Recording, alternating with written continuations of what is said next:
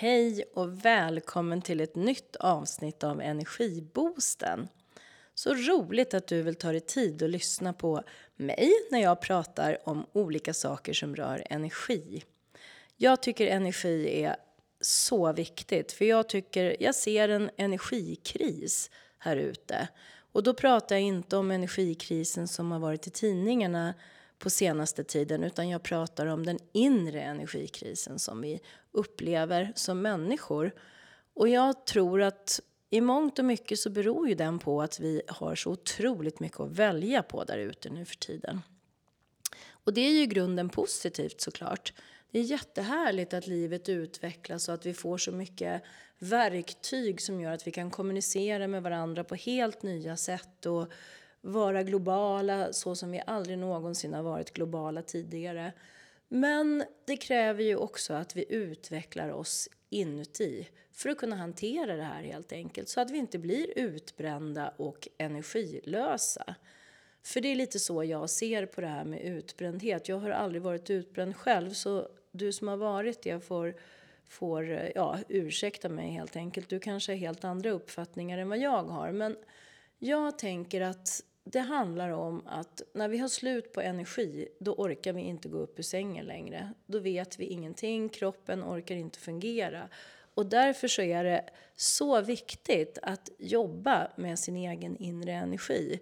Få lite struktur, lite systematik i det här arbetet också så att vi kan boosta vårt immunförsvar helt enkelt mot energirelaterade sjukdomar som så lätt kan uppstå när vi har så mycket runt omkring oss som kräver av, saker av oss och som vi också vill göra.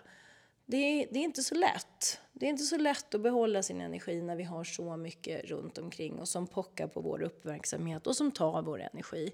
Och därför så har jag skapat energiboosten och även energy management och alla andra verktyg som vi har i Sparringpartner Just för att jag tycker att det är så viktigt för att vi i hela världen ska må bra helt enkelt som människor. Eh, det låter ju jättepretentiöst det här hör jag när jag säger det själv men, men om vi liksom knyter tillbaka det till någonting lite enklare så, så är det ju så att vi själva äger vår energi. Vi har alla olika mycket energi från början och vi har olika stora batterier. Jag brukar likna vår energi vid en mobiltelefon. Det är en väldigt bra metafor för att lite få grepp om vad det är som jag försöker förklara och beskriva och hur jag tänker. För det är så att det är väldigt få av oss som går hemifrån på morgonen utan att ha koll på hur mycket batteri vi har i telefonen och säkerställa att vi har antingen med oss vår egen laddningskabel eller att dit, dit vi är på väg, att det finns möjligheter att ladda vår telefon. Men eh, med handen på hjärtat så undrar jag om du brukar kolla din egen energinivå när du går hemifrån och fundera på hur mycket energi kommer jag göra av med idag?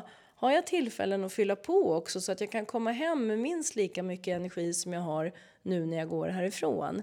Kanske till och med lite mer energi om jag har fått göra saker som, som ger mig mycket energi. Det är någonting som, som jag tycker man kan ha nytta av för att också lite greppa vad det är för någonting som jag försöker beskriva här. Och också förstå att vi faktiskt, var och en av oss, kan göra någonting åt det här för oss själva. Vi påverkar också andra med energispridning. Men eh, det, det, tycker jag är så viktigt så det tänker jag ägna ett, ett annat avsnitt åt helt enkelt i energiboosten. Liksom energitjuvar. För ibland så kan vi ju faktiskt också vara energitjuvar själva när vi sprider negativ energi. Samtidigt som det kan vara så fantastiskt roligt att vara tillsammans med människor som sprider positiv energi som vi blir pigga och glada av. Eh, så energitjuvar är också ett kommande avsnitt kan jag säga. Som jag tycker är värt att prata om. Men idag då ska vi prata om grunden i det hela. Hur vi kan få lite struktur och systematik som sagt var i vårt egna inre energiarbete. Vi har utvecklat ett verktyg som heter Energy Management, eller vi kallar det för det. Och det består av fyra steg. Steg ett är att bli energimedveten. Det vill säga fatta det jag pratar om nu och också kanske såklart tro på det och känna att ja, men det här stämmer. Det här känner jag stämmer överens med mitt liv. Sen steg två, det är ju att få kontroll på den här energinivån. Hur ser min energinivå ut under dagen? Och sen steg tre, det handlar om att jobba med påfyllning och förbrukning av energi. För förbrukar energi, det gör vi ju hela dagarna. Och det ska vi verkligen göra också. Vi ska inte vara rädda om vår energi på det sättet. Utan hög omsättning, det betyder att gör vi av med mycket energi, ja men då måste vi också fylla på mycket energi. Så att vi har tillräckligt mycket energi hela tiden. Jag har en, en teori om att vi inte bör gå under 50% i vårt batteri. För att eh, då kan det bli lite, lite jobbigare att orka göra de här sakerna som fyller på helt enkelt. Eh, så det är steg tre. Steg fyra det är ju då att aktivt jobba med olika energiverktyg. Vi har en app också som heter Energitanken där vi pratar dels om de här sakerna och även om de tre olika sorternas energi som vi ser finns. Det vill säga mental energi, fysisk energi och känslomässig energi. För alla de här tre energisorterna eh, får vi, de, vi får dem på olika sätt och vi använder dem på olika sätt. Så en bra balans mellan att använda de här tre sorterna och fylla på med de här tre sorterna, det gör också att vi mår bra. Det kommer jag att prata om lite senare, också i tre olika avsnitt faktiskt. Eh, men eh, det är en del som vi pratar om och som vi också ger verktyg kring i den här appen. Nu går det ju alldeles utmärkt att jobba med de här sakerna utan att använda en app. Det är så sant som det är sagt. Och verktygen, det handlar väldigt mycket om vad precis du behöver. För det som ger mig energi, det behöver inte alls ge dig energi. Det kan vara precis tvärtom. Att sånt som jag älskar, jag till exempel älskar att vara tillsammans med människor. Det får jag mycket energi av. Och jag har så många andra människor, både i min bekantskapskrets och andra, som säger att det sliter jättemycket på dem. Deras energi tar slut när de är tillsammans med för många andra människor. Framförallt sådana som de kanske inte känner heller. Att mingla, det kan ju vara rena döden för många. Medan jag tycker det är fantastiskt. Och det där är ju också en sån stor fördel som vi har, att vi är så olika. För det betyder att i den bästa av världar så kan vi fördela saker som måste göras. För vi har ju en massa saker i våra liv som måste göras helt enkelt. Och har vi då människor runt omkring oss, kanske i familjen, vänner, på jobbet, som har en annan uppfattning om vad som ger och tar energi för dem än vad det är för dig och mig, då kan vi lägga de arbetsuppgifterna eller de uppgifterna på de personerna. Och de tycker att det är roligt, de får energi, jag och du slipper göra de sakerna. Och så får vi göra andra saker istället som vi får energi av. Och därför så är det ju så otroligt viktigt att ha koll på det här med vad som just ger dig energi och vad som tar din energi. De två sakerna är jätteviktiga och där börjar egentligen energimedvetandet kan man säga. Om vi går tillbaka till punkt ett där. Så jag har en uppgift till dig som jag skulle vilja att du gör. Antingen nu, stäng av den här och gör den på en gång. Eller gör den efter att du har lyssnat klart på det här avsnittet vid tillfälle. Eh, och det är att sätta dig ner och ha ett papper framför dig eller din dator eller din telefon. Bara du kan skriva ner saker som du kan komma ihåg och titta på. Och då skulle jag vilja börja med att du börjar med att skriva ner de sakerna som tar din energi just nu. Du behöver tänka också såklart först. Så skriv ner sen när du har tänkt, vad är det som tar din energi nu? Och gradera, hur mycket energi drar just den här saken som händer här i mitt liv nu? Och så gör du på motsvarande sätt med de sakerna som ger dig energi så får du en, en, en liten ja, överblick helt enkelt över vad som tar och vad som ger energi för just dig.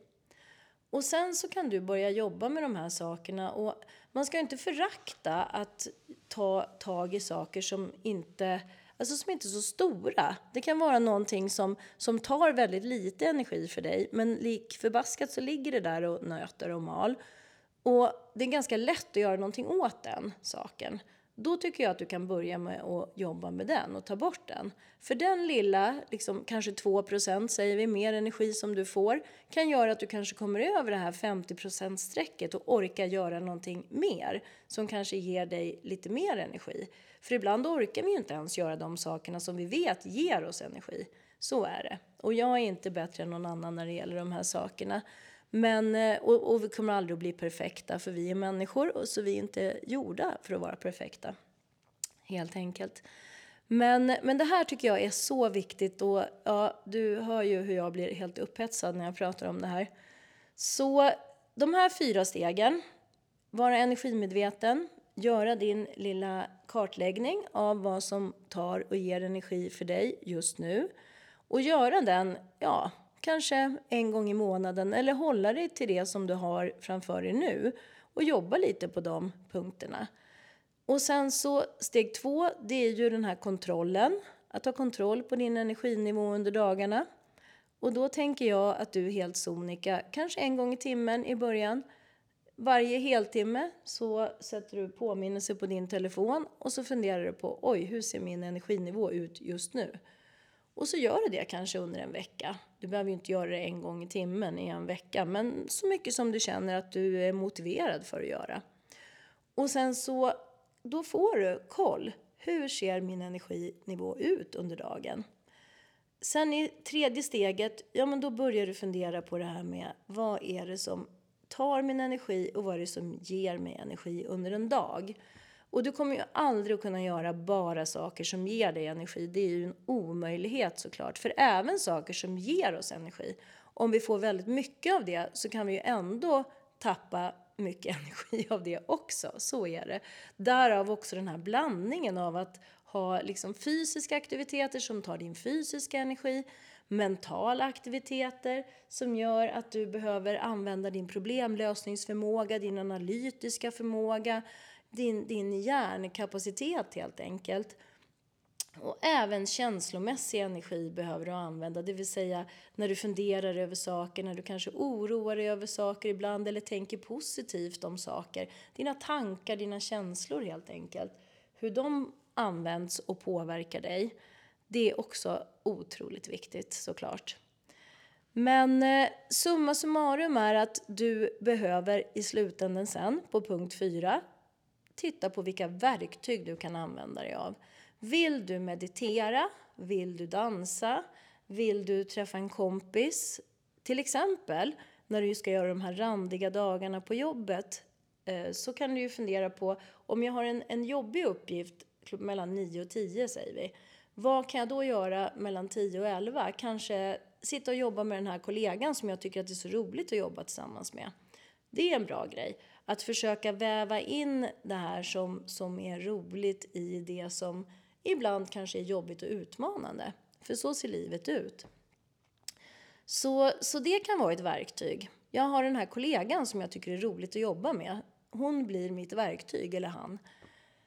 Så det är en av verktygen du kan ha. Eh, och ja, du får skapa din egen verktygslåda helt enkelt. Men se till att den består av blandade verktyg då. Ibland kan det ju vara så att man har ett ganska stort energitapp av sin känslomässiga energi. Det vill säga, jag går och oroar mig för många saker som jag faktiskt inte vet ifall de kommer att hända eller inte.